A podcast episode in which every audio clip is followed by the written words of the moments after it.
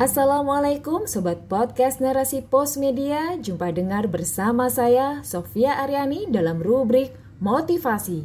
Motivasi kali ini dengan judul Jangan biarkan air matanya menetes. Karya, Karya Dina, Dina Nur. Seorang anak berkata kepada ibunya tatkala ia hendak keluar rumah Semoga keselamatan untukmu wahai ibuku juga rahmat Allah serta berkahnya. Ibunya menjawab, Semoga untukmu juga keselamatan, rahmat Allah dan berkahnya wahai anakku. Lagi sang anak berkata, Semoga Allah menyayangimu karena sudah mendidikku semasa aku kecil.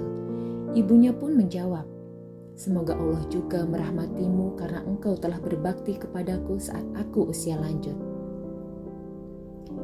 Ini adalah dialog yang terjadi setiap kali si anak hendak pergi dari rumah. Ia memberi salam terindah untuk sang ibu, begitu pula balasan sang ibu yang begitu tulus dan penuh kasih pada putranya. Keduanya saling mendoakan yang terbaik. Sungguh indah dan syahdunia apa yang mereka lakukan.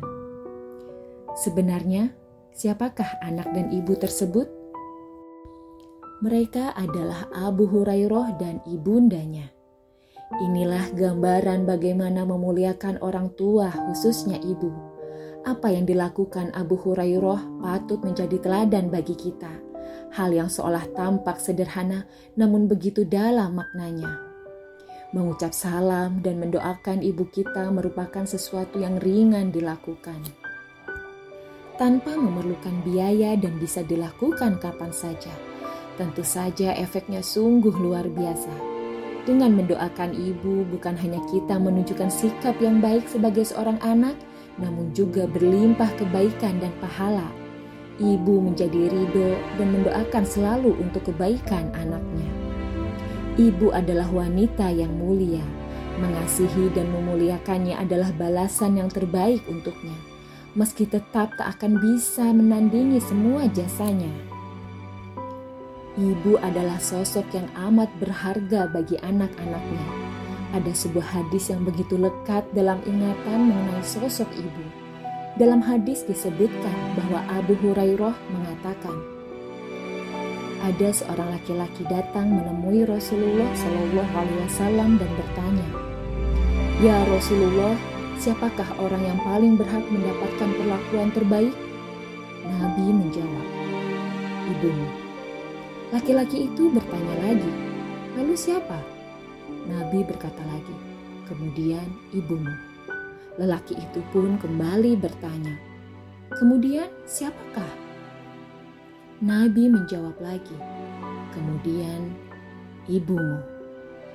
Maka ia bertanya kembali, "Kemudian siapakah lagi?"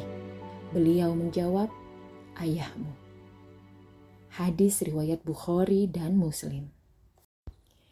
Inilah perintah Islam untuk memuliakan ibu dengan baik. Disebutkannya nama ibu tiga kali oleh Rasulullah menunjukkan bahwa ibu merupakan sosok yang begitu penting. Kepayahan dan perjuangan ibu selama mengandung, melahirkan, dan menyusui sangatlah berat. Bahkan nyawa sering kali menjadi taruhannya.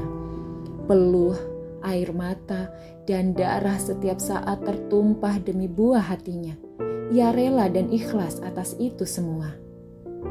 Ibu yang dengan telaten merawat dan mengasuh kita dari bayi kecil yang lemah hingga mampu terbang ke mana-mana. Ibu mengajarkan banyak hal dalam kehidupan. Ibu juga yang menjadi tempat kita mengadu ketika kita sedih dan terluka. Dengan kasih sayangnya yang tanpa pamrih, ia sembuhkan luka dan mengembalikan senyum kita dengan caranya sendiri, ia ajarkan kita untuk bangkit setiap kali terjatuh. Ibu yang menanamkan kecintaan pada Allah dan Rasul-Nya, ia tak hanya berbicara dengan kata-kata, namun ia memberi contoh nyata bagaimana mewujudkan cinta sebagai hamba. Ia ajarkan seperti apa itu takwa. Ibu adalah guru pertama dan utama bagi putra-putrinya. Ia adalah segalanya. Ibu yang dengan setia menemani hari-hari kita hingga dewasa dan berumah tangga. Bahkan meski kita telah berkeluarga sendiri, perhatian dan cintanya tak pernah luntur. Begitu pula doanya tak pernah berhenti ia panjatkan untuk anak-anaknya.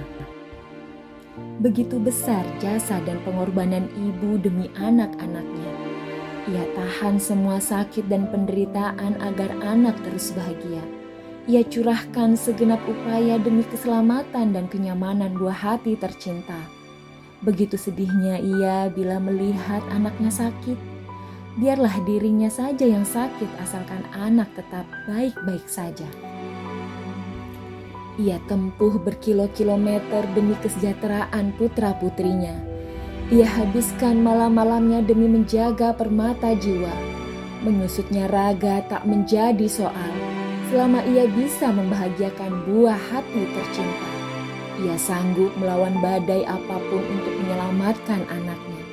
Apa pun ia lakukan demi kebaikan sang anak. Atas itu semua, pantaskah kita melukai hatinya? Apakah kita tega membuat ibu menangis karena perilaku kita?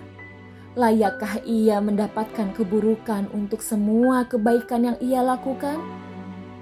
Sungguh, Tiada keberkahan bila anak durhaka pada ibunya. Kesulitan hidup akan menjadi temannya bila tega menyakiti hati ibunda. Allah pun marah pada anak-anak yang berbuat kasar lagi durhaka pada orang tua, khususnya ibu. Sebagai pengembang dakwah yang lebih memahami agama, tentunya diharapkan mampu memberikan contoh bagaimana akhlak terhadap orang tua, terutama ibu merekalah yang lebih dulu mengamalkan apa yang disampaikan kepada umat. Bagaimana memuliakan ibu sesuai ajaran syariat Islam tercermin dalam keseharian yang dijalani. Berbakti kepada ibu juga merupakan kewajiban sebagaimana berdakwah di tengah manusia. Memuliakan ibu sama pentingnya dengan melakukan aktivitas amar ma'ruf nahi mungkar. Meninggalkan salah satunya berarti mengabaikan perintah Allah – Jangan sampai seperti kaum sekuler yang suka memilah-milah ajaran Islam. Berdakwah dan berbakti kepada ibu merupakan kewajiban yang saling berjalan beriringan. Mintalah selalu doa dan ridhonya bila ia masih ada. Sebab doa ibu bisa menembus langit dan terkabulkan.